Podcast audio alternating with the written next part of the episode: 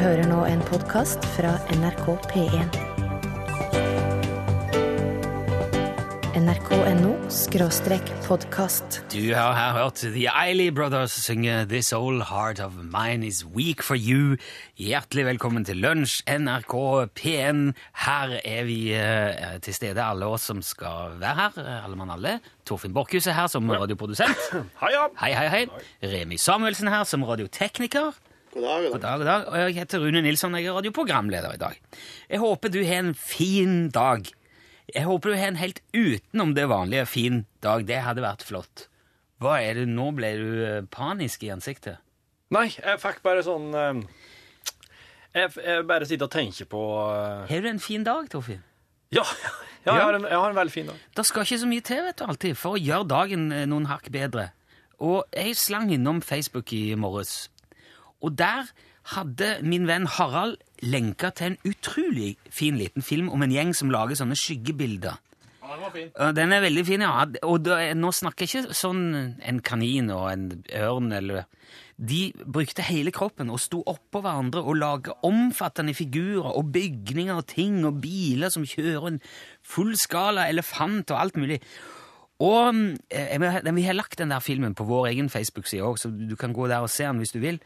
Du, du trenger ikke være på Facebook heller for å gjøre det. Du kan bare søke Lunsj med Ø, L-Ø-N-S-J, i Google, så dukker vi opp. Kan du se. Ja, ja, ja. Kjem kjempehøyt opp. Det er veldig lett å finne. Eh, og de der uh, fem-seks minuttene den filmen varte, det løfta dagen min. Og så sendte jeg den over bordet til Torfinn, og, og Torfinn sier Ha, jeg gidder ikke bruke seks minutter på noe som er kinesisk. For det sto noe sånn det, var- det var sikkert en kineser eller noen som hadde lagt det ut, for det, eller japaner eller noe som sto. Uh, men så sier jeg Torfinn er jo livredd for alt som er asiatisk. Så jeg sa gjør det likevel, bare se litt. Og jammen sto ikke han og smilte plutselig. Å, sier han. Å, da se på jeg. Wow! Ja, det er sånn, ja, ja, ja. Det Det var veldig koselig. Det ble veldig gøy. Og det var da vi begynte å prate vet du, på kontoret om eh, hva er det som skal til for å gi noen en bra dag. Altså, så spurte Torfinn han vil gjerne ha et par kalde pils i en kjølebag og så bli tatt med på restaurant og få servert grillmatbuffé. Ja, det er dagen sin, det. Det var veldig spesifikt, men det er det som skal til for å løfte din dag. Ja, de som kjenner meg, vil nikke gjenkjennende til akkurat dette der, ja. Jeg, jeg, jeg skjønner det. Jeg, eh, jeg er ganske enig, bortsett fra akkurat det med øl og grillmaten, men litt fersk sushi ut av det blå, det hadde vært veldig stas å bli overraska med. Da tror jeg jeg hadde fått en enda bedre dag. Hvis noen brøt seg inn hjemme hos meg mens jeg var på jobb og vaska ned huset, det hadde vært veldig kjekt. Ja, med unntak av dette med bryte, kanskje. Eller bare låst seg inn. da. Ja. Eh, men det trenger jo ikke være så voldsomt heller. Vi ble etter hvert uansett veldig nysgjerrig. Hva er det som skal til for å glede en helt vanlig nordmann en fredag i januar i Norges rikeste land i 2013? Hva, hva, hva er det som løfter dagen til folk? Hva, hva skal til? Eh, og tenkte kanskje du kunne hjelpe oss med det. Hva skal til for at du skal få en enda finere dag? Send oss gjerne en SMS med kodeord L for lunsj. Sender du til 1987 og så bare forteller hva som skal til. Det koster én krone. Kanskje vi på den måten kan få opp noen gode ideer. Kanskje du hører noe fint, og så får du lyst til å gjøre det for noen andre og gi deg en fin dag, eller så er det noen som hører det og gjør det for deg. Dette er et sånn en pay it forward. Det, er sånn eh, gode greier. Det er sånn positive greier. Fredagsgreier. Positiv forsterking. Ja. Det er lov å ønske seg en sang òg. Ja, kan, ja, hvis vi kan gjøre noe for å gjøre dagen din bedre, så send oss gjerne det òg. Ja. den største glede du kan ha, er jo å gjøre andre glad. Det sa min mor. Cheryl Cole var det du hørte der. Fight for this Fight for this love. Eh, Do you hear me? Fight for it. Fight for this love. Unless it's, it's, it's not worth it. Cato skriver i en tekstmelding at dagen hans blir mye bedre når han hører på lunsj. Og det er jo veldig hyggelig å, å tenke på. Da har vi jo allerede fått til noe. Så fælt det må være i helgene, tenker jeg. Han kan laste ned podkast. Eh, dagen blir god ved å servere gratis pølse til våre kunder på Vørt i Harstad, er det en som skriver. Hei! Ok. Har du det bra på jobb? Ja, det, det er kanskje ikke det smarteste å skrive inn til Norges største radiokanal. Oh, ja, på Vyrt. Hør, Ok. Hører du det, Harstad? Gratis pølse på Vyrt i ja. i dag. Eh, for, eh, hva er det de driver med? Er det dekk? Det er ikke sånne verktøy og sånn. Og, Men så er det verktøy. Ja, jeg, jo, jeg tror det. Ja, OK, gratis pølse på Vurt... Vurt... Vurt... Vurt Harstad. Vurt Harstad. Eh, og så eh, skal vi se Vi skal ha sjokoladekake til fredagskaffen i dag, skriver Anne. Hun jobber i Brønnøysundregistrene. Ja. Det skal ikke mer til for å glede Anne, og det er jo litt kake på en fredag. Det er veldig fint. Du er jo veldig glad i kake, Torfinn. Ja, ja, jeg er fæl og snik, og det er noen kaker rundt Du er en kakemann. kakemann. Bacon står det i en SMS. Vet du hva? Det kjenner vi veldig godt til. Det med bacon er jo interessant, for det er det mange som er veldig glad i. Bacon er jo et fenomen. Ja. Og faktisk så får du kjøpt eh, Jeg har det oppe her på mm, Jeg kan si det. Det, det er sånn en nettside som heter coolstuff.no. Der selger de altså bacon mint, altså sånne mintpastiller som smaker bacon. Du kan få bacon luftrenser til å henge i bilen, Ja. sånn at bilen lukter bacon. Men det er jo luftrenser. Ja. Bacon gavepapir. Pakke inn gaver i, i papir som ser ut som- altså, som har bacontrykk. Bacon majones. Ja, Da begynner det å ligne på noe, for Ja. den kan du ete. Ja, bacon tann, tannkrem, som smaker bacon. Og så er det bacon drops og cupcake tannkrem. Altså Å ja, det er noe annet. Nei, det var Det er tannkrem som smaker som cupcakes. Ja, som muffins. Men jeg har hørt om eh, is med baconsmak òg. Ja, der er all, du kan få nesten alltid i eh, baconsmak, og det må jo være fantastisk for vedkommende som får en bedre dag av bacon. Eh, musikk kan ofte gjøre dagen. Det kan det. Og jeg, er veldig glad for at eh, vi har fått uh, Tønes på B-lista vår her i NRK P1. Det gjorde min dag. Og jeg har gått og venta på at uh, han skulle dukke opp på våre spillelister, for det er jo andre folk som bestemmer hvordan vi skal te oss musikalsk. Uh, men nå er han her, og derfor får, nå, nå er jeg fornøyd, for nå får jeg Tønes og Lyse. Ja, det var Tønes Lyse. Den syns jeg er så fin. Ja. Ja, den er så fin. Og nå ser jeg òg at det er en annen Rune som òg ble veldig glad for det. Han skriver jeg blir veldig glad når jeg ser damo mi, Benedikte. Og når han skriver damo, Ja. så kommer han er jo fra Sokndal. Å ja, Akkurat samme plassen som Tønes. veit du det? Ja, damo. De sier kun det der. Ja, ja, jeg vet ikke. Ja, jeg tror ikke det er så veldig mange andre plasser. Ja, nei, du er veldig god på dialekter, så jeg tror på det. Han spurte om han kunne få høre en sang av Norges nye superstjerne fra Sokndal, Tønes. Og det har vi gjort nå. Ja, det har vi gjort. det har gjort. Vi skal tilbake til en spalte som ikke har vært innom på lange tider. Vi har nesten glemt det helt bort. Dette her er gammel eh, For dere som har vært med oss eh, siden mars i fjor, så vil dette her være gjenkjennelig. Ja. Men eh, for dere som har vært med oss litt kortere tid, så er det nytt fenomen. Du hadde ikke med sånn nyhetsunderlag til det der? Jo, og så har den der, der. Vi- Aller først i dag så skal vi ja, jeg får forresten si at det her er lunsj med spesialsending som handler om dumme kriminelle. Ja. Aller først i dag skal vi til Philadelphia i USA, der Khalil Bailey stal fire par joggesko ti dager før de hadde kommet for salg i butikken. Når han seinere venta tilbake til samme butikk, så ble han da ti. Av den grunn at han hadde på seg skoene han hadde stjålet i den butikken, som enda ikke hadde kommet for salg. ja. Det var, Det var lurt. det var veldig dumt. Ja, var det. Og så skal til San Fernando i Trinidad og Tobago. Der ei sikkerhetsvakt tirsdag skjøt av seg hele utstyret etter å ha kjøpt seg og gått rundt med våpen uten bæretillatelse. Han eh, tok pistolen, putta den i lomma, blåste av karsangen og er nå på under overvåkning på det føderale sykehuset i San Fernando.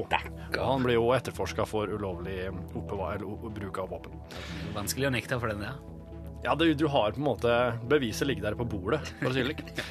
Aller eh, til slutt i dag skal vi til Huntsville, Alabama, der Philip Saudi gikk inn på en eh, Starbucks-kafé og sa 'tøm kassa'. Han som satt i kassa, sa 'jeg kan ikke, for den, den åpner seg ikke helt sånn uten videre for meg'. 'Vil du ha en kaffe i stedet?' sier han i kassa. 'Ja takk', sier raneren. Så går raneren ut på parkeringsplassen, står der og koser med kaffen sin når politiet kommer. Du blir nemlig arrestert for ikke å ha fått med deg penger òg, Ja, okay. når du truer med våpen. Jeg ser den. Eh, og Huntsville, Alabama er jo eh, Nå kan vi jo for så vidt eh, stoppe det nyhetsunderlaget. Ja, okay, Ja. Huntsville, Alabama er jo litt snedig i den her sammenhengen. fordi at ikke bare er det et veldig kult norsk band som heter Huntsville, men Huntsville er også den plassen i USA der det henrettes flest. ja, er det vel ikke noe hyggelig å Nei, det var veldig utrivelig faktum. Det syns jeg ikke var noe særlig å ta med seg.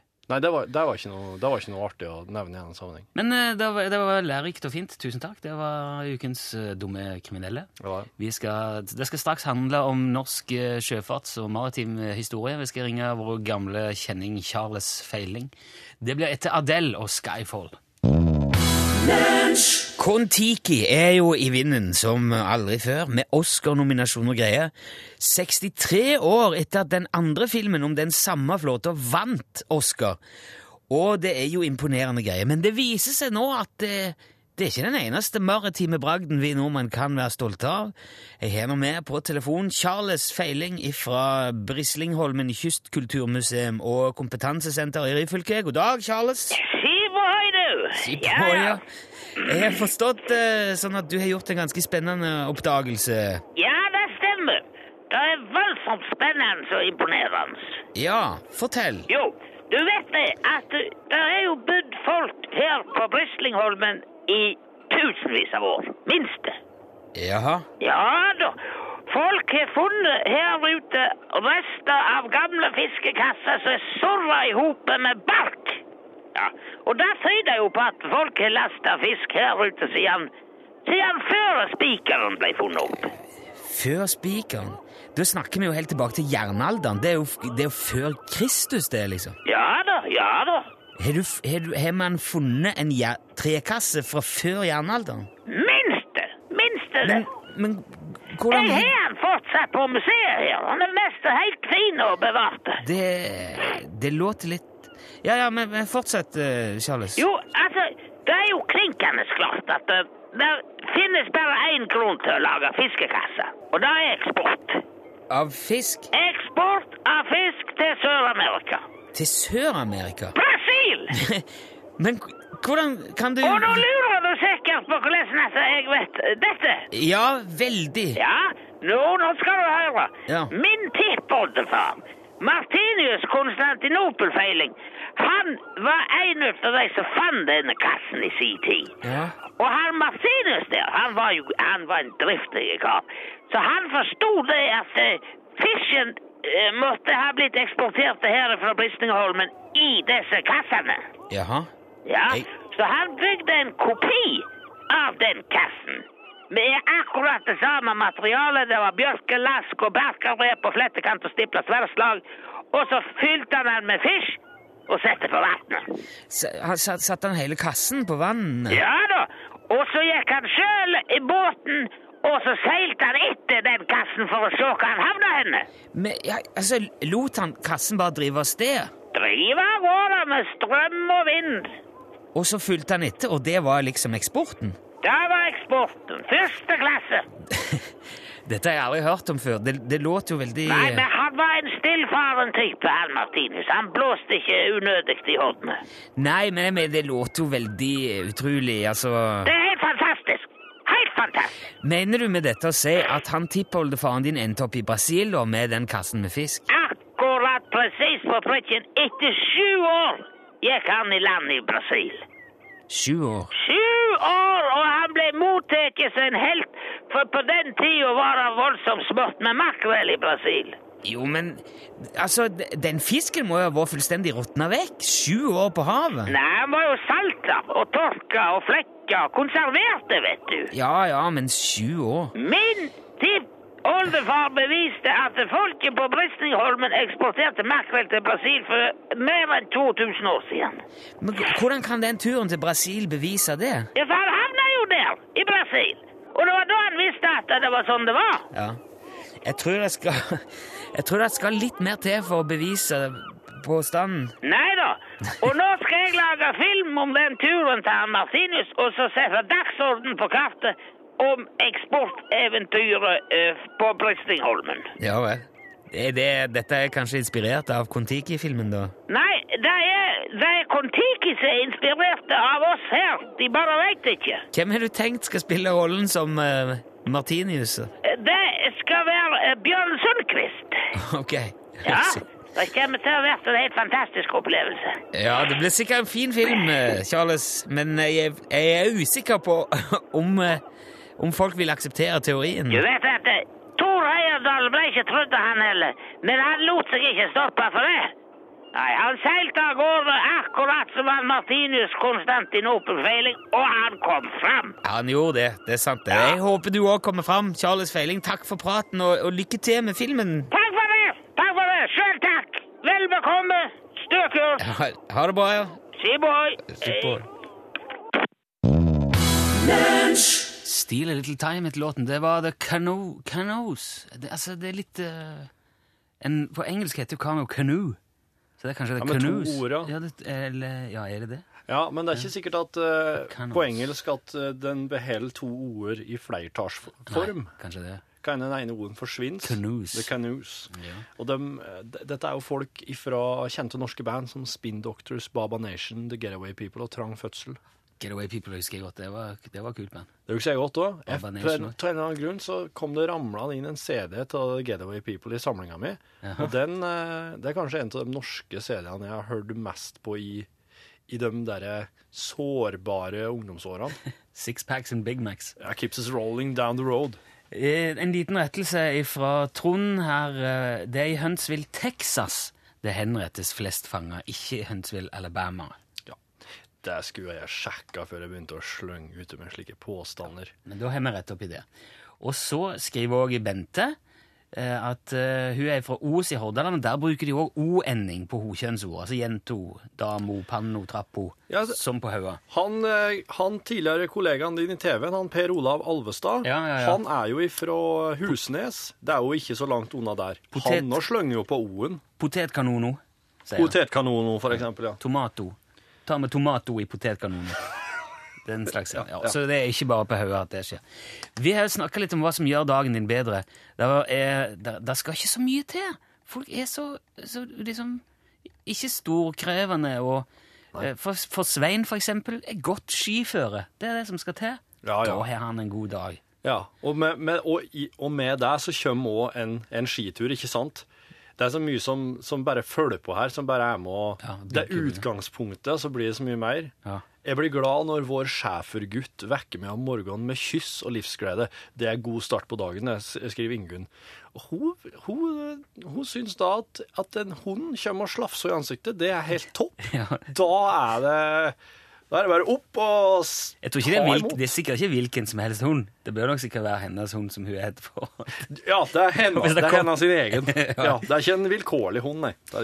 May-Britt uh, skriver at hennes dag vil bli mye bedre hvis hun kunne få beskjed om at uh, hennes gamle bestemor var blitt så frisk at hun kunne få besøk, sånn som hun pleier hver fredag, for hun har omgangssyke. Og da er det litt eh, risikabelt kanskje og da Kanskje man ikke er i form til det. May-Britt sier god helg. Jeg håper at det går fort over, May-Britt. ja, god bedring. Barne, barn og barnebarn på besøk, det blir helmaks, står det òg i en melding. Ja, da blir, det, da blir huset fullt av liv igjen. Ja. Ja. Eh, og så skriver òg fru Bever her. Den, er- der, der, er det? Fru Bever. Fru Bever, her er det snakk om å finne på en måte det positive i en eh, ellers ikke så veldig hyggelig situasjon. Fast SMS fra Narnia. Ja vel.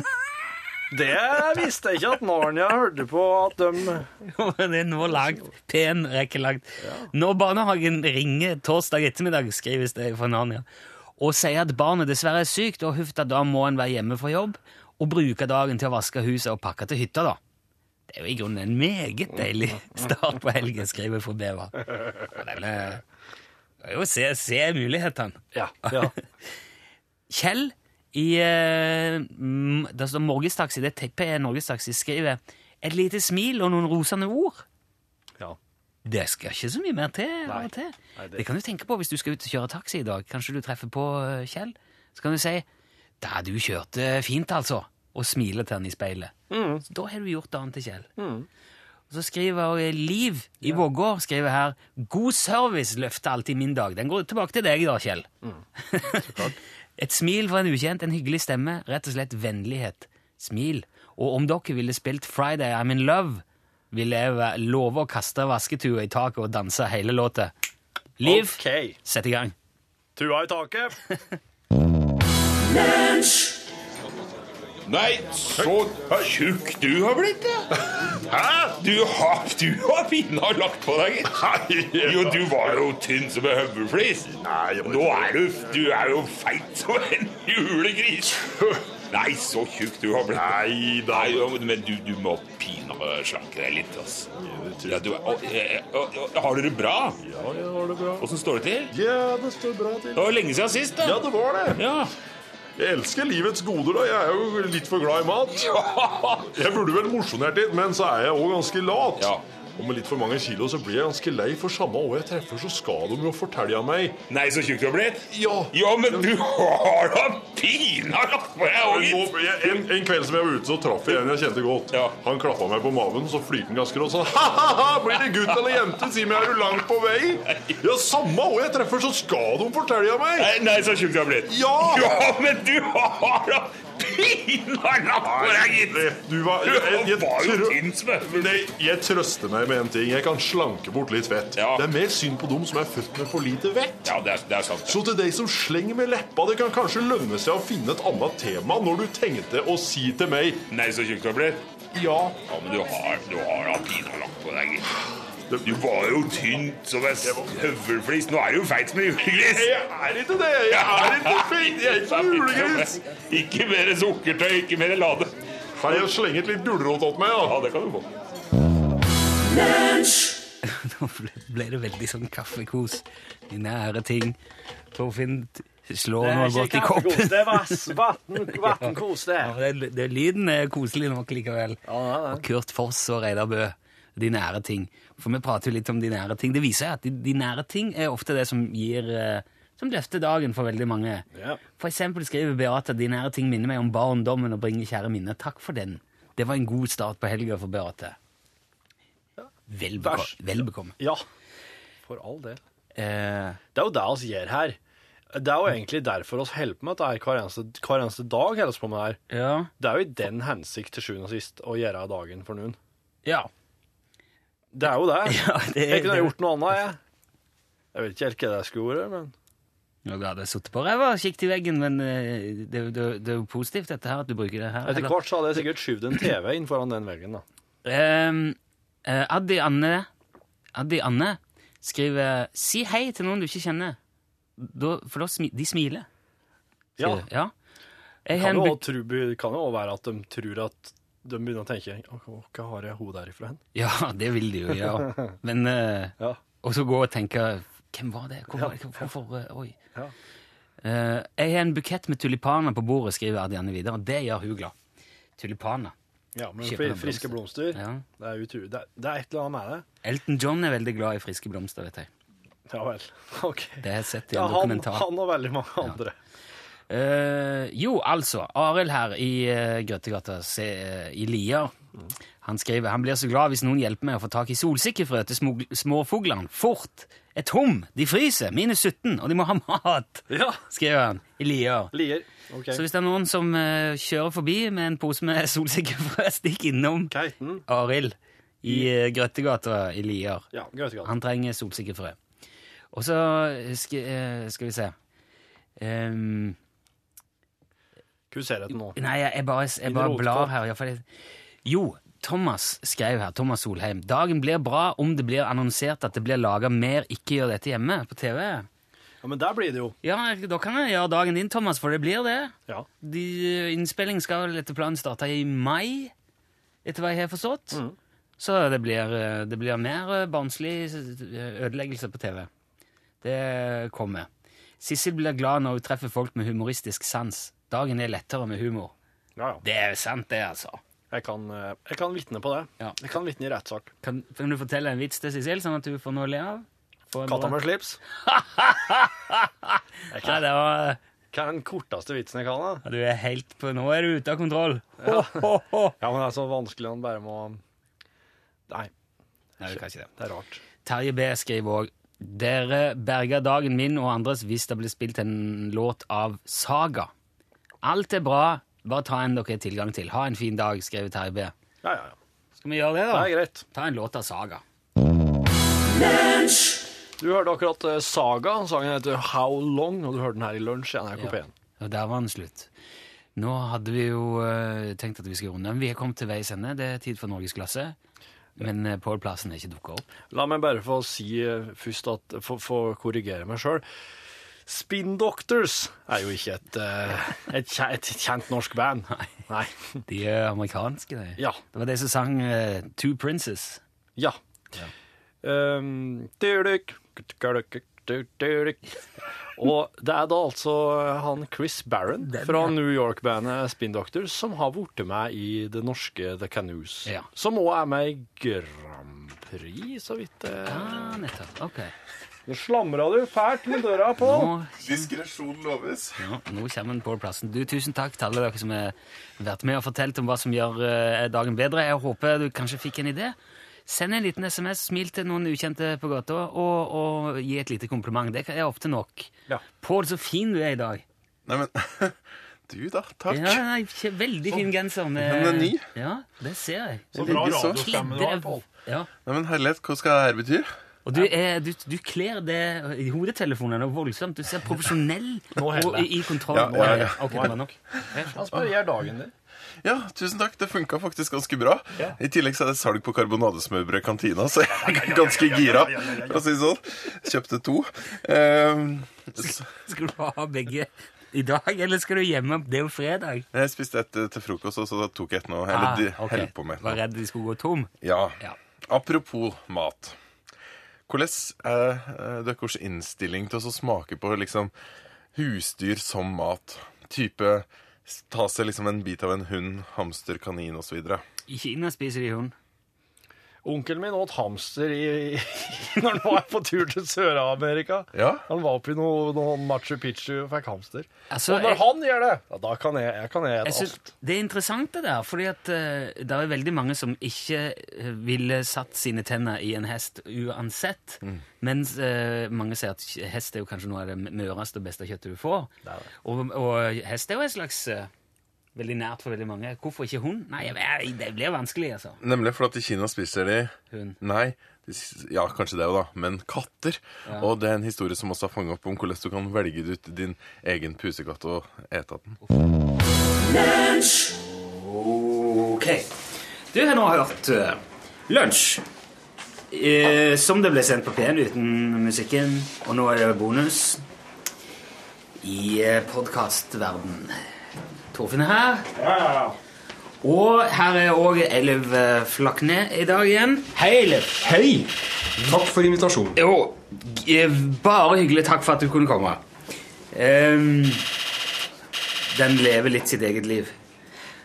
Så det får bare Hvem gjør ikke det? Ta- ta- de- Alle gjør det. Hvem gjør det? Rune Nilsen, det gjør vel du også? Ja, jeg gjør jo det. Det er jo helt sant.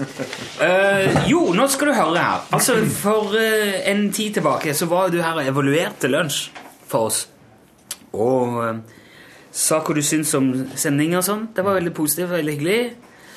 Og i, i, i den sammenheng så sa vi at hvis noen av dere som hører på, har lyst til å evaluere den evalueringen, så er dere velkommen til det. Jeg tror kanskje vi lovte noe, et eller annet i belønning for det. Torfinn. Ja, jeg tror jeg. Caps. Ja. Jeg tror kanskje ikke caps. For det... Ja, mulig det var det. Lunsjboks. Lunsjboks, eller Ja.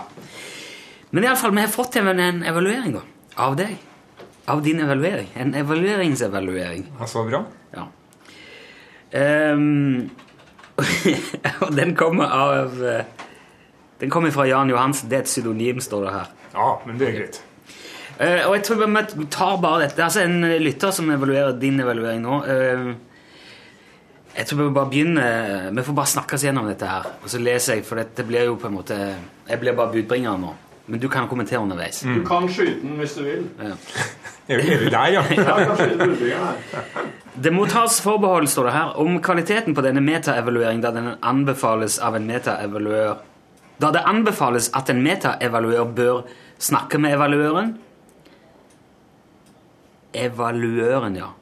Snakke med de som har blitt evaluert, eventuelt snakke med andre personer partene jobber sammen med, se relevante evalueringsdokumenter og ha erfaring med evaluering fra før.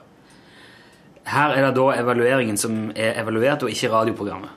Ikke sant? Så det, det, det, det, eh, det har ikke tatt stilling til om evalueringen skulle hatt flere eller andre spørsmål. Står, står det her. Er en grundig kar. Ja. Ok, observasjon. Så står det her. Eilif sier selv at han er fan av lunsj, og det er derfor vanskelig for han å være helt objektiv. Programlederne påpeker, subjektivt, at det er et godt utgangspunkt for evalueringen. Kan dette være et problem for tilliten til evalueringen? spør han, problematiserer denne karen videre. Konklusjonen etter å ha hørt evalueringen? Nei. Det er jo et godt tegn. egentlig. Ja. Og det er viktig også å konkludere etterpå, selvfølgelig. Ja. Og ikke slå fast at dette er et problem. Fordi evalueringa kan jo gjerne være kritisk og ja. gjennomsaklig. Ja, ja, ikke sant? Men det er jo, eh, det, Der regner jeg med dette beroliger deg? At Ja. du, Helt klart. du har på en måte troverdighet selv om du er en erklært fan? Ja, Ja. Eh, Eilif tok feil på Apollo-ferdnummeret. Sa selv 6, men det var 17. Beklager med en gang, og ikke påståelig av typen som alltid skal ha rett. Det er positivt. For Melhus, vet du. ja, Vi tar jo ofte feil, men men eh, står for det. Ja. Altså, det får du, det får du, det får du skryt for. ja. Eilif går grundig gjennom hele sendinga, og ikke bare gode eller dårlige innslag og hendelser. Dette styrker følelsen av at evalueringen er objektiv og gir økt tillit. Positivt. Bra. Ja. Er du bevisst på disse tingene når du evaluerer?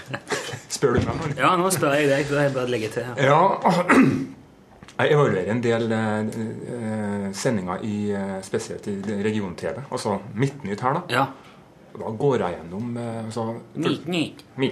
For det første så ser jeg sendinga live og prøver å basere sendinga, eh, evalueringa på det. Men hvis jeg er i tvil, da, så ser jeg eh, i opptak. Og jeg skriver nesten ned sendinga sånn som den er, Ja. og går gjennom. Jeg mener at du er nødt til å ta The devil is in the details, heter det. Du er nødt Ja. til å ta de småtingene også. Dette får du altså Dette får du, Ja. det får du, det, det får du skryt for her. Uh, Eilif sa flere ganger at han flirte mye under evalueringen av humoren i, eh, i sendinga. I utgangspunktet positivt. Spørsmålet da til evaluøren, programlederne, er han billig, smører han på, er han betalt? Dette, dette vil jeg gjerne bare sette over til deg. Ja, men Rune Nilsson, jeg har ikke fått en eneste gode av deg, bortsett fra denne capsen en gang i tida. Ja, Men du har jo betalt. Du får jo lønn av får jo NRK. lønn av NRK. Og i så måte er det jo grunn til å stille spørsmålet er du, er du habil. burde, eller burde vi hatt folk fra P4 til å ha gjort det? Ja, det kunne faktisk vært en morsom idé. Ja. Eh, Radio Norge P4, hvem det nå er. Jeg har kommet eh, fram til nå at uh, er jo i, i lomma på NRK. Han får jo Ja. penger av NRK. Jeg er sterkt inhabil, da, sånn sett. Fader ullan der, du! det. Det er kanskje på tide å si det nå, at jeg jobber her i denne bedriften. altså. Ja, ikke sant? Det der eh, Dette er pinlig. ja, Dette må komme fram til nå ved hjelp av vår evaluer, evalueringsevaluør. Ja, evalueringsevaluør. Ja. Er han betalt? Ja, eh, overpositiviteten kan i verste fall ha motsatt effekt, står det videre her. Ja, det er, det er jeg helt enig med henne i. Nå høres jeg nesten rørt ut, men eh, det det er rett og slett bare halsen min som er litt dårlig. De ser ikke Jeg er så tårene. lettrørt, skjønner Ja. Ja Det er ingen som ser tårene dine på radio. Spørsmål til evalueringsevaluøren. Er jeg kjedelig eller vanskelig å tilfredsstille humormessig? Har jeg en annen smak? Dette dette skjønner jeg ikke. Jo, men du, hvis jeg, hvis jeg skal driste meg til å tolke uh, evalueren av eva evalueringa, så, så er det et betimelig spørsmål. Fordi eh, at For det første så sier jeg at jeg flyr mye. Eh, og er han da ikke vanskelig å nærmest å tilfredsstille mm. humormessig? Altså Flirer jeg nesten av alt sammen? Det gjør jeg definitivt ikke. Nei, ok. Nei. Så det er Men den humoren som dere eh, formidler, som dere står for, den treffer meg. Den treffer det. ok, så da, er vi vært, da, er vi, da kan det krediteres flaks, egentlig. Eller hell. Eller ja, tilfeldigheter. Ja, la oss si at vi hadde, at oss hadde har en annen person som Eilif som, som ikke skrattet til alt, men som oss ikke treffer. Da vil det være full skivebom. Fullstendig. Ja. Men hadde det vært en bra evaluering? Jeg kan jo, kan oss kan jo utfordre en Eilif. Altså stafettpinnen. Du må jo gi stafettpinnen videre. Nestemann som skal evaluere oss. Det kan du godt prøve å finne Nei, men noen igjen her på huset som har helt annen humor enn det. Så, så, se- Men du, du sender jo ikke en fyr som ikke liker rå fisk, for å anmelde maten på en sushirestaurant. Nei, men Samtidig så kommer han, eller hun da, kommer til å komme i eh, podkasten her med et eh, Altså, inngangsverdien hennes, eller hans, vil jo da for lytteren være at dette er en kritisk person som ikke har den humoren til Eilif. Og jeg har jo en god humor, så da har jo den personen en dårlig humor. Ja, Ikke sant? Ja. Ja, det, det, det, Person med dårlig humor evaluerer Og jeg vil ikke ha med at jeg har plukka ut den personen. Det er vel bra Ketil. Du har jo ikke humor. Kunne ikke du vært grei, altså? Evaluert. Jeg kjenner mange slike. Ja. Eiliv eh, gir gratulasjon for bra program direkte til programlederne og sjefen for lunsj. Ikke noe gå rundt grøten-formuleringer. Positivt. Ja. Bra. Eiliv har en gjennomgående positiv fremtoning, enkelt språk og tydelig med sine poenger. Positivt. Du kommer veldig godt ut av dette, ser jeg nå. Ja, bare vent. Det er sikkert noe på slutten. Eller bruke ros på en balansert måte. Det er også positivt. Lett dialog og tone mellom partene. Det er også positivt. Så her. Umiddelbar etterevaluering programlederne sier imellom mens evalueringene er friskt i minne. Det er også positivt. Den er jo litt til oss, da. Ja. At vi setter oss ned og klapper oss sjøl på skulderen og, og på en måte bruker tid på å understreke hvor utrolig flinke vi er. det er Det likte den det? Likte Ja. det? Positivt står det. Ja. Torfinn viste seg fra en noe mer voksen og eller seriøs side. La, Veldig uvant og rart å høre på. Ikke nødvendigvis negativt. Står det her. Hva tenker du om det, Tom? Ja, men jeg tenker at eh, Jeg tror kanskje jeg var edru den dagen. Ja, det, Ja, så jeg tror jeg òg. Vi snakka om det, Rune. ja, ja, ja, ja. Men du lukter jo eh, bare melk og honning. Det pleier jo å ligge en sånn eim av brennevin i rommet, ser du. En eh, generelt underholdende og interessant evaluering å høre på. Skriver, eh, skriver han her til slutt. Jeg vet hva det heter. Det står ikke Det er Jan ikke Olsen med at det er en mann. Det er ikke ofte når evalueringene er artig å høre på, altså. Ja. Eh, følgende bør gjøres Dette her er veldig proft. Å ja. der Gode står- råd, ja. ja. Nå står det altså avslutningsvis følgende bør gjøres. Tidsramme umiddelbart. Ja. Ansvarsforhold evalueren. Oppgave fortsette med evalueringsformen slik den ble gjort per 19.12.2012. Hovedkonklusjon evaluering var vellykka. Wow. Og så er det et lite etterord. Ønsker at denne evalueringsevalueringen blir evaluert av en uavhengig evaluer for å se om begge evalueringene kan evolusjonere til bedre evalueringer og evalueringsevalueringer i framtida. Ja, det kan jo være et berettiget krav, det. Ja, så vi burde altså hatt inn en fjerde til å si femte person til å evaluere evalueringsevalueringen. Ja. Altså hvis Eller kanskje ikke, det blir litt mye, står det. Men eh, vi behøver kanskje ikke ta inn en ekstra person, men kanskje vi nå kan evaluere evalueringsevalueringen litt og så si hva Var dette nyttig for deg, Eilif? Ja, eh, det er det. Eh, For det første så syns jeg det er veldig kjekt å høre dette med at det har vært detaljert. Altså at vi har gått gjennom Ja. tyt, tyt, tyt, hver punkt. Og så syns jeg veldig ok å høre dette med eh, altså den umiddelbare responsen, og at det var ryddig og saklig. Jeg er helt på linje med vedkommende når det gjelder dette med å Altså hva som kan være av fallgrupper når man, når man liker produktet man skal Ja. evaluere. Ja. Og desto større krav stiller seg da til at det er en gjennomgang som eh, både er detaljert, og som, eh, som tar, har oppi seg både pluss og minus. Nå husker ikke om jeg var så veldig mye på minussida i den sendinga der. Jeg vet ikke. Jeg har fått eh, Det Det var en en del, kort Facebook-melding fra ei som heter Synnøve. Og hun skrev en evalueringsevaluering, hun òg. Der står det egentlig bare det er ett avsnitt. Veldig bra at Eilif stort sett var positiv, men synes kanskje han var litt striks i forhold til å vurdere lytternes oppfattelsesevne. Med andre ord, den der med hva man får høre om man legger øret inntil albuen til en mann. Der tok vi poenget med én gang, nemlig, skriver Synnøve.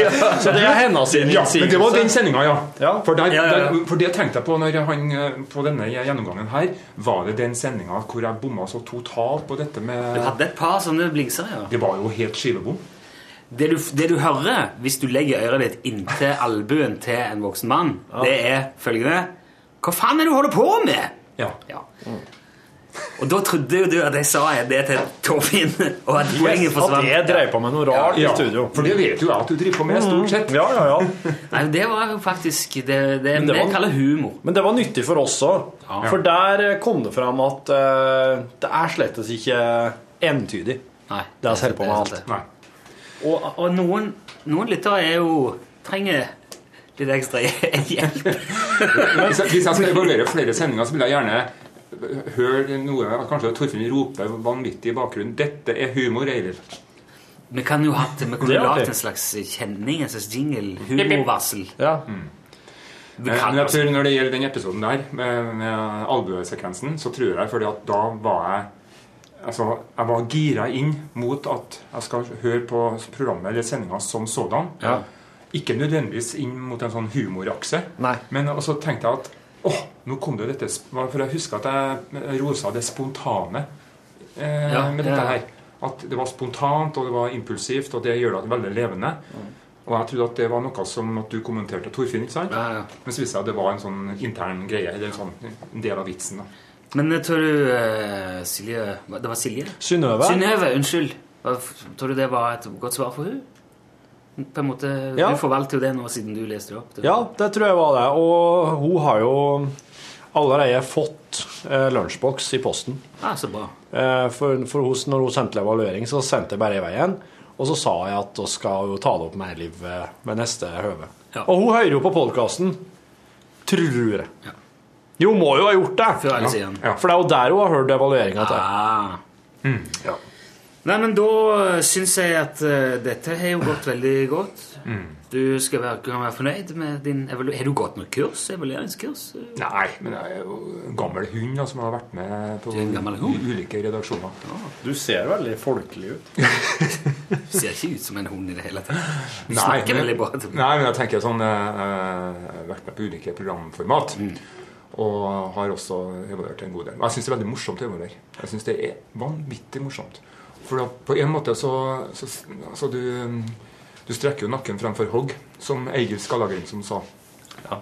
Eh, og det er klart at eh, du kan ta feil, men det er litt av det morsomme med det. At du må stå for det, det synet du har. Du kan ikke ta meg. Har du evaluert noen som har blitt skikkelig sur noen gang? Nei. Og det, da kan jeg kanskje si at da er du litt for snill. Men, eh, men jeg mener at en, en, en evaluering må være konstruktiv. Ja. Både i begge retninger. Ja. Du kan bare si at dette var dårlig. Da må du si hvorfor det er dårlig. Ja. Uh, og så er det litt det der også med at uh, hensikten med evaluering må jo være å gjøre folk bedre. Ikke å sette dem i dårlig humør. Så Derfor så tenker jeg både på at ja, hvis, hvis det er noe som det å rettes på, så bør du også si det, men da bør du si det på en slik måte at det blir retta på, uten nødvendigvis å så kjøre folk utfor uh, stupet. Altså. Føler du at du ble bedre av den evalueringen til Eilif sist nå? Ja, ja. Ja, det ble det. Og så var det første gangen vi ble ordentlig evaluert. I hvert fall eh, ja, i lunsj. Ja, ja. I lunsj, ja. Eh, Det har vært litt sånn, det er jo litt opp og ned med evalueringer i NRK, ettersom hva du er i slags avdeling, og hvem som er sjef, og hvordan initiativ de tar. ja. Men, eh, men den var jo veldig grundig. Veldig bra. Og så foregikk den jo rundt mikrofonen i, i podkasten. Det syns jeg er- det gjør, det, det gjør at en blir tvunget til å høre høre mye mer etter. Du er nødt til å være aktiv, du er nødt til å lytte. Du er nødt til å forstå det som blir sagt. For hvis jeg sitter her i podkasten og ikke lytter, da har jeg jo ikke noe Da har jeg jo ikke et svar å komme med eller noe å skyte inn når evaluøren tar en liten pause. Nei. Og det skjer jo titt og ofte. ja du, kan, du kan jo bare ta digresjoner. En digresjon, ja. Onkelen min har spist marsvin en gang i Guatemala. Ja, han gjorde det. Ja. Han Kjerringa hans insisterte på at nå skal vi ha oss en tur og skal se Machu Picchu. Og han bare Oi, oi, oi, oi, Oh. Er han litt sånn Åh. Carl Pilkington? Ja, han, han er Han liker seg jo egentlig best uh... Det er ikke Stig, dette. Nei, nei. Nei. Det, det, nei han er gamleonkelen. Ja, ja, selvfølgelig. Ja. Og han, eh, og han kom igjen og bare Jeg hadde min livsopplevelse oppe i fjellene i Peru. Jeg har sett Machu Picchu og ete marsvin. Jeg har ete marsvin! Hva som skjer, da? Onkel Kjell har jo spist marsvin! Jeg bare, ja, ja, ja. Og det, men, men han fikk ikke Jeg tror ikke han fikk vite det før etterpå at det var marsvin han hadde etter Men sa han hvor det smakte? Kylling. Kylling, selvfølgelig. Ja. Alt det som ikke smaker som noe annet, smaker som kylling. ja. ja. ikke det, det er rart? Og det Hva er det rareste du har spist, Eil? Nei, vet du det Jeg tror jeg spiste uh, slange en gang. Du tror? Ja. Jeg fikk ikke bekrefta eller avkrefta i etterkant heller. Jeg, jeg, jeg, Hva var det? det var i uh, Holland. Å! Eter de slange i Holland? Ja, det er veldig mye slange i Holland. Det er så flatt der, vet du. Det er så flott. Mye vann. Nei, vet du hva? Jeg tror Har var en mannslange.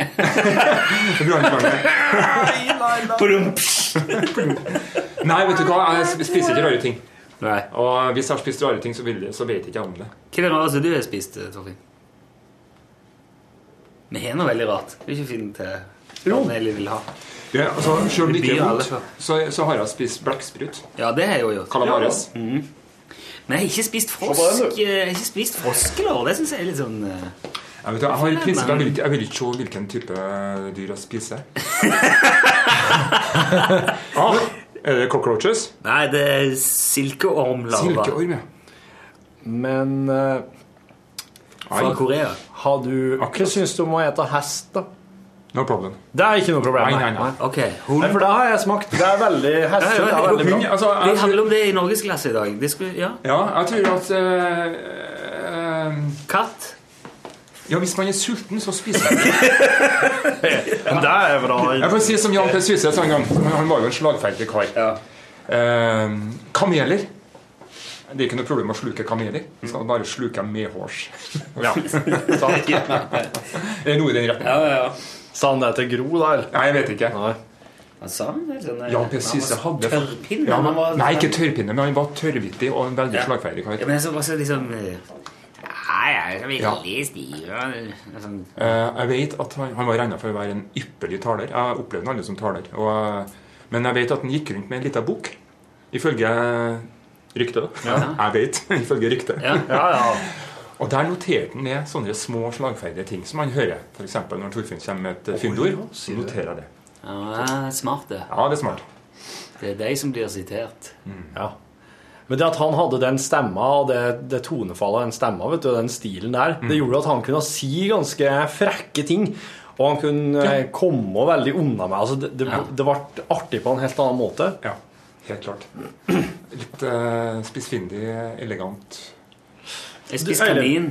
Du er du det? Ja. Ja. Det er ikke så verst, det. Nå altså. er vi tilbake til Smaker litt som kylling. Det tror jeg. Jo, jeg heter Bjørn. Bjørn, ja. Ja, det har jeg heter. Å, ja. For at eh, oppå ja, vi er der, ja. Ja, Nå tenkte jeg mer på sånn eh, det rareste. Sånn, jeg tenker på sånn eh, Det kvalmeste, liksom. Ja, liksom det. Ja, ja. Jeg spiste spist en del sånne afrikanske hjorter. Sånn. ja. Ikke mange, nei. Afrikansk hjort nå igjen. Men jeg har spist kjøttet. Altså, smakt det. Krokodille. Jeg ser det er krokodillekjøtt på butikken her på Har den? Ja, på Meny der med på Det var helskottende dyrt. Ja. Tenk skinnet. Ja, ja. Men, det- men det er jo bare det. Altså krokodillefilet, da. Jeg tror det smaker litt som kylling. Det tror jeg òg. Du, eller Eilev, i dag eh, så sneia oss innom. Det var noen som sendte inn eh, og spurte om det kom en ny sesong vi ikke gjør dette hjemme. Ja, det kan du bekrefte? Ja, det kan jeg bekrefte. Ok. Ja. Og det var veldig presist sagt av eh, din medprogramleder Ja. at uh, innspillinga starter i, uh, på vårparten. Mm. Og så eh, kommer du vel på TV til høsten. Ja. ja. Det blir eh, morsomt, det. Du veit allerede at det blir artig? Ja, altså, Har du noe- Nei, altså, jeg sitter jo ikke i det prosjektet. Du er ikke Men, men Har de funnet hus? Ja, det mener jeg. Og det som er interessant, er vel det Nå skal jeg passe meg så jeg ikke sier for mye her.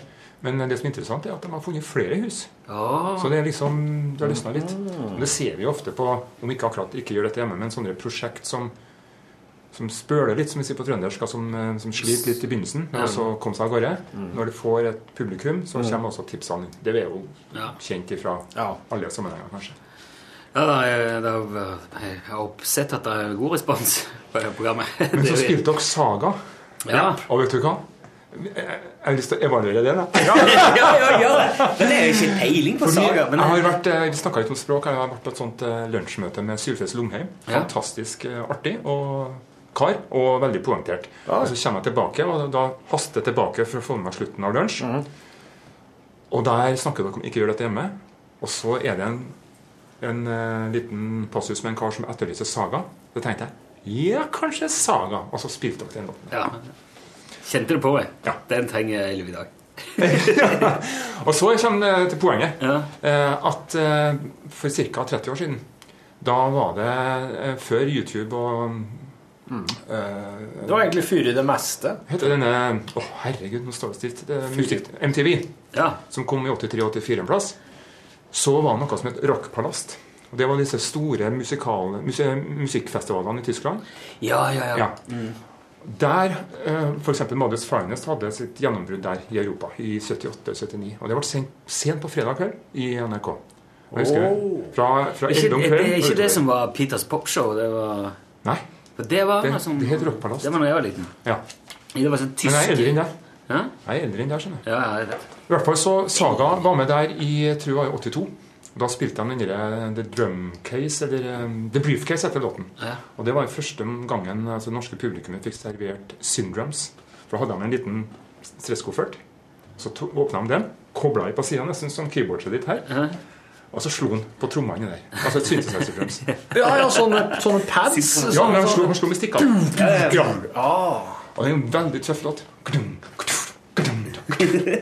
Jeg har ikke noe forhold til Saga. Jeg, jeg, jeg, og hele veien jeg hører det, så tenker jeg bare Sag. Saga. Ja, Du, saga. du, det prata vi ikke om sist. Du har jo vært med her to ganger, Eller, Du har vært med en gang som evaluør, og så har du vært med en gang som spesialgjest. Men det pratet vi ikke om sist, det, og det tenkte jeg på etterpå. Det må vi ta opp neste gang. Du, ja, du er musikkinteressert. Ja. men du har jo en rockebror. Har du ikke det? jo, det har jeg. Du har jo en bror som lever av rock'n'roll. Ja, stemmer.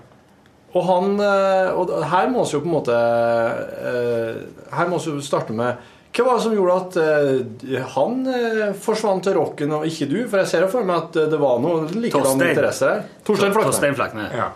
I uh... Nei, altså eh, Han var jo For det første var han først ut. Altså, ja, han, Er han storebror? ja, vi er tre brødre, og han er den mellomste. Og jeg er den yngste. Oh. Ja. Så eh, han eh, Men han, han er jo eh, fryktelig flink musiker, da. Ja. Um, og har klemt mer enn jeg kan lære, for å si det slik. Han har jo, han har jo klemt uti seg noe, noe riff, som minneverdige riff, han. Ja. Ja. Flink fyr. Men The Kids og Stage Dolls, liksom. Ja. Ja. Eh, det begynte Jeg vet ikke hvor detaljert vi skal gå der, men altså, The Kids het Harvest før oh, ja. The Kids. Det var et sånt band på Meløs. Og så kom Dag Ingebrigtsen eh, inn i bildet, og så hadde han og Torstein et relativt godt samarbeid. Både sånn eh, sosialt, men også musikalsk. Og så bandet som sådan klekka ut da Kids-profilen, eller på en måte strategien osv. Det ble jo en bra greie, det, altså. Hvor gammel var du når eh, han når, når de tok av med The Kids? Vet du, Det var det, Det var det største i hele verden det når jeg var Ja. liten. Forelska i læreren og Men jeg liksom det, det tror jeg det er første gang jeg husker hvor enorme forventninger vi hadde til Ja. uh, oppfølgeren til Sønner av Norge. Sønner Norge. Når Sønner av Norge skulle komme. Vi drev og prøvde å forestille oss hvordan den skulle høres ut. Mm. Og hvordan, låten var. Og det var helt sånn elektrisk stemning før det kom. Ja. Det må jo ha vært veldig kult å ha hatt storebroren i Ja. største band i landet. ja, men vi tenkte ikke dit, skjønner du. Nei, det, Dere skjønte det ikke? Jo, jeg visste jo da at dette her var bra, og det var jo, men Torstein var jo på turné. Ja. Men altså, det var, jeg tror på en måte, hvis jeg skal liksom analysere meg sjøl 30 år tilbake i tid, så var det litt, litt annen tid. Hvor vi ikke Altså dette med å, å være så stor på landsbasis, det var ikke noe som vi gikk og drømt om. Nei, det var kanskje Nei, altså, Vi hadde ikke eh, oppfatning. Altså dagens eh, Apropos, tilbake til spørsmålet, så var jeg vel eh, Da de slo gjennom i 80, da var jeg 17-18 år. ja.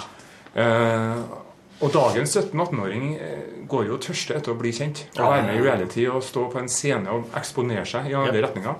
Det tenkte ikke vi på. Så vi hadde ikke noe, vi hadde ikke noe oppfatning av at det var stort å være i Vennesla og spille musikk. Hvis, visste bare at der, nå gjør han det bra. Ja. Eller smør, på Smøla eller i Kløfta, altså. Men det var, jo- altså, det var jo i avisene og Ja, overalt ja, ja. og på TV og Men det var, ble ikke snakka noe mye om i venneflokken. Sånn, det var bare sånn Ja, de gjør det bra. Ja, de gjør det bra. Det er jo jævlig artig og sånne ting. Og så var det stas når på TV. Selvfølgelig. Ja. Går bra med broren din? Ja. ja. Ja. det er bra. Har du karsk? Var Spiller du, du spiller piano? Eller hva? Er jeg spiller bass, jeg, egentlig. Du gjør det? Ja. Hør det. Oh, to bassister. ja, vet du, det er jo det, virkelig det essential instrument, altså. Ja. Jeg, sier, jeg pleier å si at eh, bassister liker ikke andre bassister, men jeg gjør et unntak for Ja, det. veldig bra. Soulmates. Har du, eh, har du sett den der med den groupien som kom i skade for å Er vi på liksom hånestadiet nå, Nilsson? som kom i skade for å ligge med bassisten? Jeg Ja, men bassisten er altså regel gift og har unger. Det er jo Til Ja, ja. Groupie accidentally sleeps with bass player. Dette her er fra Louisville. Eh, Det, det er en avis, et avisutklipp. Uh, the day after the Academy concert, Victoria Jorgensen, 22 år gammel, Jorgensen. Jorgensen, was terrified to realize that she had accidentally slept with a bass player in the band, mistaking him for someone important. Nei, nei! I can't believe how stupid I was, said Jorgensen. I mean, I went up to the guy and I was like, Are you in the band? And he was like, Yeah, I'm in the band. So I did him. then this morning I was telling my friends and I realized he was just the bass player. This happens to me all the time. Jorgensen plans to do more research before sleeping with another band member. Ja, bra. This won't happen again, said Jorgensen. Er det ekte? If I'm going to sleep with someone, they'd better be important. I mean, I could find someone here in town as important as a bass player.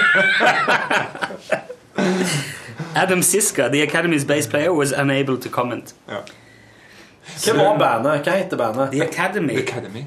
Oh, ja, oh, Men det, ja. men det er jo ganske interessant, da, fordi at eh, bassistens rolle er jo å være tilbaketrukket. Ja. Det er jo rytmeseksjon sammen med trommer. Er- Og jeg husker jo fra den tid uh, Deep Purple kom ut med jeg tror det var Machine Head-alben. Den med Highway Star og, og Maybe I'm a og låtene der. Så, og ikke minst Smoke on the Water. Ja, ja. Der er det han som spilte bass i, um, i Deep Purple da. Navnet kommer snart. um, Følg med. ja. Han sa det Jeg tror det hjelper der han er gjengitt på det at When all hell breaks loose on stage, it's my job to stay in the back and keep a firm bass line going. Ja. Roger eh, Et eller annet. Rabbit. Ja. Og greia at han er, altså, det er jo, han skal jo stå i bakgrunnen, og er jo Ja. ikke den som er foran på scenen og um, promoterer bandet. I Det sekundet bassisten spiller feil, da, da treffer driten vifter. Altså. Ja. Da er det ikke mye igjen å, å holde på med, egentlig. Men det som, jeg, jeg så denne dokumentaren om uh, Roger Glover? Roger Glover. Ja. Ja. Jeg så en dokumentar om uh, Stones som gikk på Ja. NRK for ikke så lenge siden. Ja. Og Da forklarte jo uh, han trommisen der, Charlie Watts. Charlie Watts, forklarte at det, dynamikken i det bandet er veldig spesiell, fordi at Keith Richards som styrer alt. Ja. Trommene henger på han, Ja. og bassen henger på trommene. Ja. Så de, de er litt off hele veien, på en litt sånn rar måte. Og det er et veldig skjørt korthus, sa Watts. Det kan ramle i hop når som helst, men når det funker, så funker det veldig bra. Så det, Ja, det, det- det gjør at de låter litt annerledes. Ja, det er jo ingen som klarer å spille som Stones. Og det er jo litt, det der, altså, litt sånn flåsete sagt, så er det ingen som klarer å De er så gode at det er ingen som klarer å spille så dårlig, nærmest. Ja, ja, men det er litt der, ja. Ja. For det er jo ikke noe, Men de er- virtuoser nå. Men ja, Watts, for eksempel, han er jo en eh, anerkjent jazztrommeslager, visstnok. Ja. Altså, han har sine sånn På bakrommet sitter han og Ja. briljerer med stikkene. Altså. Jeg, jeg hørte forresten eh, Nå er jeg veldig sånn i praterummet. men, Ja, eh, det er bra, det, for dette er en podkast. Ja. Sting står jo for oss med bassen sin nå. Ja, og det, det er jo et artig moment. Det at eh, på Det har bestandig vært gode bass, eh, bassister, sånn som Jack Bruce og guttene der. Ja. Men det var først med Police, egentlig. Delvis til Missy på midten av 70-tallet. Men egentlig Police virkelig at bassisten trådte fram og tok scenen. Ja. The Doors hadde jo ikke bassist i det hele tatt. Det er bare dreit i det hele Ja. greia. det. Han spilte bass med føttene. Han, Ja, han sang- det orgel, han sang. orgelbass. Ja. Og så kom Red Hot Chili Peppers med Flea med, ja. med slap-hand-bassen sin, og da ble det jo helt vilt. Ja. Da var det jo plutselig Han tok jo hele showet rett som nå. Ja, for det ga, altså Når slap-teknikken kom altså For lyttere da, slap-teknikk er når du bare slår med tommelen og trekker opp igjen med pekefingeren, f.eks. Så Ja. sånn dang, dang, dang, dang, dang. Ja. Sånn som Seinfeld eh, Men det er vel spilt på er synt, sånn synt, ja. Men, Ja. Fli er veldig glad i uh, Knut Hamsun, for øvrig. ok. Det er Men det skal jeg si Unnskyld at jeg bare overtar her. Kjør på. Når slap-hand-teknikken kom, så ble det et sånt instrument igjen for eh, Eller en sånn teknikk for bassistene til virkelig å, å, å dominere lydbildet. Og Derfor så fikk du også en del sånn hva Heter han eh, eh, King, da? Mark King. Ja. Level 42. Han ble jo Ja, megakjent. Ja. Bare fordi han var kjapp med å slå med høyrehånda. Mm. Ikke noe store låter han laga, men han var en briljant tekniker. Ja, mye tøft level 42. da. Ja, veldig mye tøft. En veldig markant basslinje. Ja. Jeg har en svoger som er bassist som Ja, han trykte fram eh, han. Mm. Det var en annen bassgreie jeg tenkte på nå. Men jeg, nå glemte jeg det igjen. Hva for noe? Du hadde sikkert en digresjon. Ja, det var nok det. Jeg elsker digresjoner. Ja, det var en sånn en eh, bassopplysning. Jeg kan ikke huske. Hamsun. Ja, Hamsun. Fli. Fli. Ja. Takk. Nei, jo, det glapp. Jeg vet at Hamsun eh, Nå er vi helt ute på vidda her, men Ja, det, nei, det, det er sånn Trivial Perset-kunnskap det her da, Ja. Hamsun- han sleit veldig med å økonomisere. altså Hvordan klarer du å koke ned en lang setning til en mindre setning og si det samme? Det er Ja. det som alle forfattere åpenbart holdt på med. Og så vet jeg, når når du får, får høre det i det ene øret, og så gjennom det andre øret, så, så har du hørt en del sånne Hamsun-setninger. Så hører du den setningen 'Han sov med knyttede hender'. Oi. Da er du sint. Eller fortvila. Yep. Og da kan, du kan sikkert bruke to sider på å si at han var sint og fortvila. Ja. Men når du skriver 'han så med knyttede hender', Ja. så har du egentlig sagt det. Å, herregud. Det Er det fra Markens grøde? Vel? Ja, jeg tror det. Og i hvert fall det med han var som sett gjennom en virvel i ruten. Det er fra Markens grøde. Ja, Ja, han var så stygg, da. Det var, Ja, men tid- altså, fjeset var sånn Ja. det var i de tider jeg gikk og sultet i Kristiania.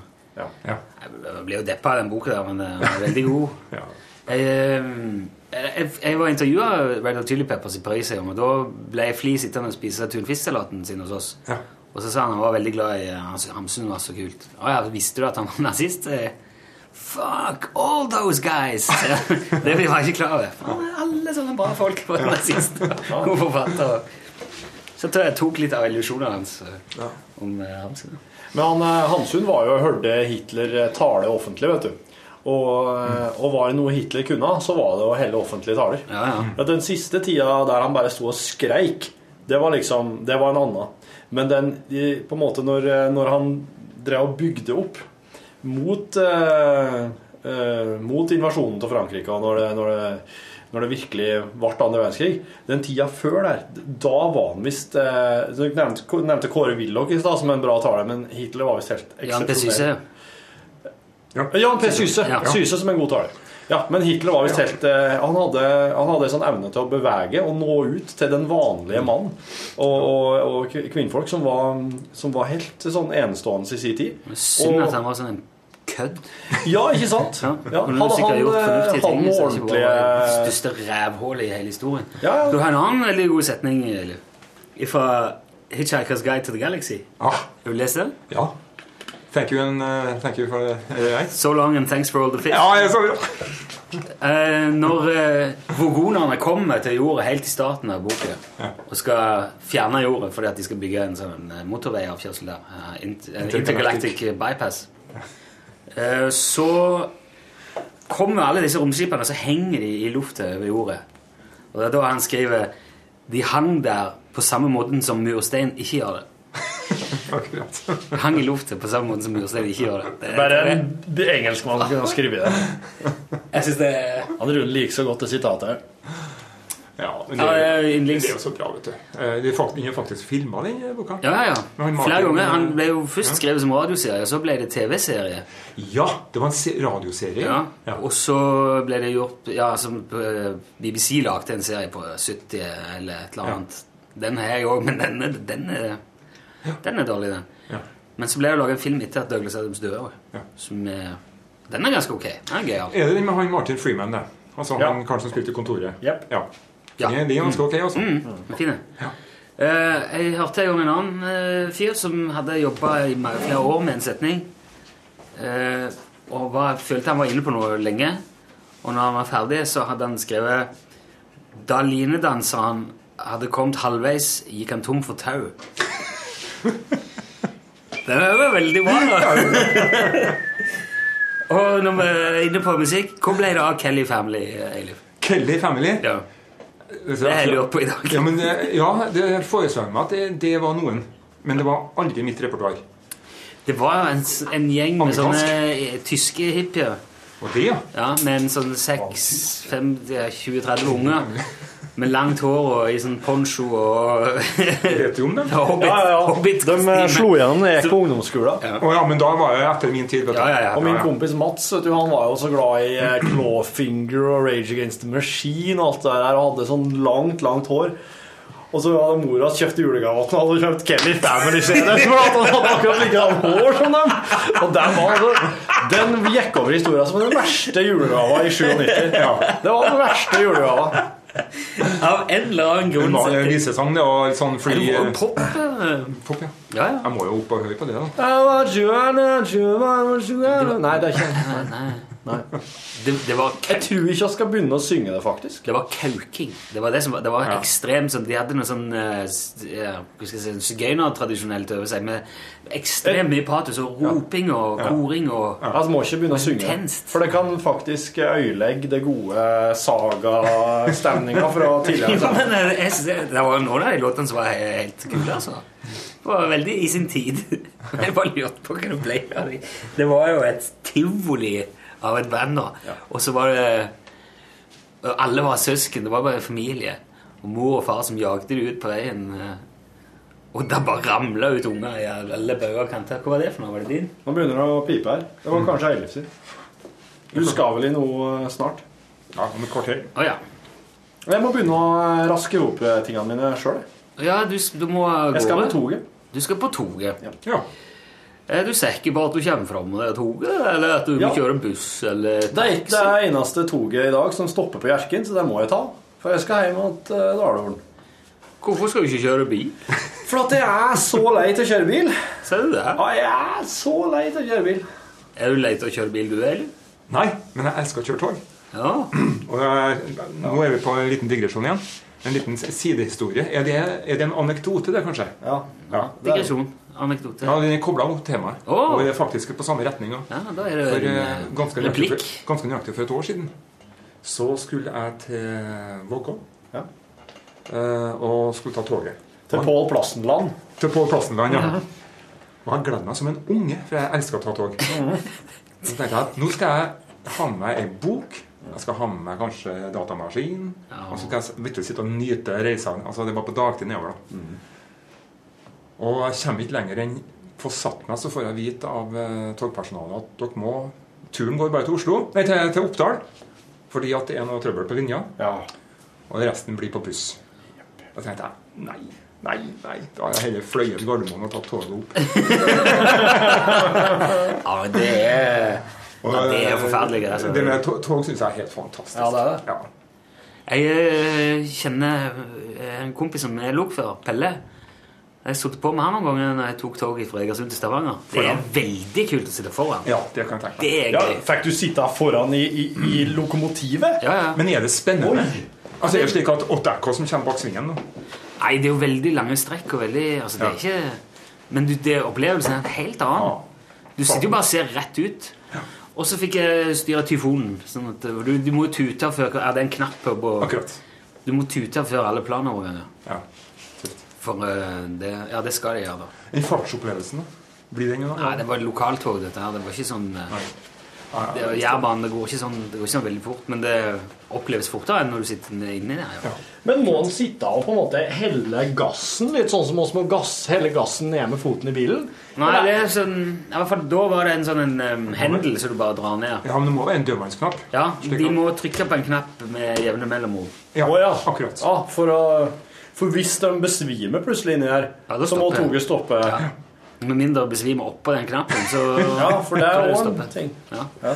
Jo, men jeg mener på det var sånn at du må Han må opp og trykke på en Ja. sånn en Ja. jevnlig, da. Ja. Klikk, klikk. Veldig. Jeg hadde lyst til Jeg, veldig, jeg elsker sånn der kjøre sånn. Det er jo jævlig gøy å kjøre tog eller trikk eller sånne ting. Ja. Det tror jeg er moro. En kompis av meg som kjører trikk her i Ja. Trondheim. Ja, det er stort. Ikke så lange sløyfer det er på den trikken i Trondheim. Nei, det er jo ikke det. Det går jo eh, Nei, den historien skal jeg ikke ta. Den kan jeg ta etterpå. Det er Gråkallbanen, det. Gråkallbanen, ja. Ja. Det var jo eh, mer utbygd før i tida. Altså for, eh, jeg husker ikke den de trikken her på, på, på stor skala, men det er vel rundt 25 år siden. Ja, det gikk trikk opp i staten. Ja, Og så gikk den over til Lade. Ja. Dette her er internt. Ja, det er ikke Eh, Gamle Trikkestallen er jo nå eh, skatehall og rockeverksted, og jeg bor jo rett ved siden av den. Ja. Og Der var jo der de sto, et som er I hvert fall på Østbyen. da. Det går en sånn historie. Jeg tar den historien likevel. Som jeg annonserte og trakk tilbake for 30 Ja. sekunder siden. Ja. Om at da de la ned trikken i Trondheim, så var de, hadde de sånn hastverk med å få opp skinnene og asfaltere at de glemte å sjekke trikkestanden oppe på Oppe på Lerkendal. Det sto igjen én trikk. Men det er bare et eh, rykte. Så Ja, så gøy. eh, må kanskje sjekkes ut. De tok vekk skinnene, altså? Ja. De rev jo opp? Revet opp og asfaltert. Jeg hørte at folk, privatpersoner, gikk jo ut i gata og reiv opp, for de var så sinte på trikken. Mange de var så glad når den skulle vekk, at de bare tok spett og bare Ja. bøya opp sviller sjøl. De var sint på trikken. De var sinte på trikken, og mange som var sinte på trikken. Trikken er jo egentlig et snilt kjøretøy. Altså, det er Ja, ja, sånn miljøvennlig. Og, miljøvennlig, og det går ikke fort. Og det er litt sånn kardemommepreg. Ja, det, ja. sant? Var sikkert, var sikkert eh, bråk eller et eller annet sånt. Da vet Ja. du, de var lei. Ja, jeg tror Jeg har bodd rett ved sida av trikkesløyfa i Oslo. Mm. Midt mellom Pilestredet og Parkveien. akkurat der han liksom bremser ned og skrur rundt og gir gass igjen. Det hørte du. Å, herregud, så det dundrer inni. Men det er jo koselig, da. Du, uh, artig dette her. Tusen takk for besøket, Eiliv. Takk. Eh, ta, tusen takk til du som Jeg skal sende en mail til Ja, men du må si takk til vedkommende. Det var veldig morsomt. Ja. Eh, du må gjøre det igjen en gang. Ja. Ha en god helg. Tusen takk til du som eh, hørte på, for at du lastet ned podkasten. Ha en god helg, du òg, hvis det er helg. Jeg må runde av. Ha det bra! Ha det. Du har nå hørt en podkast fra NRK P1. nrk.no podkast.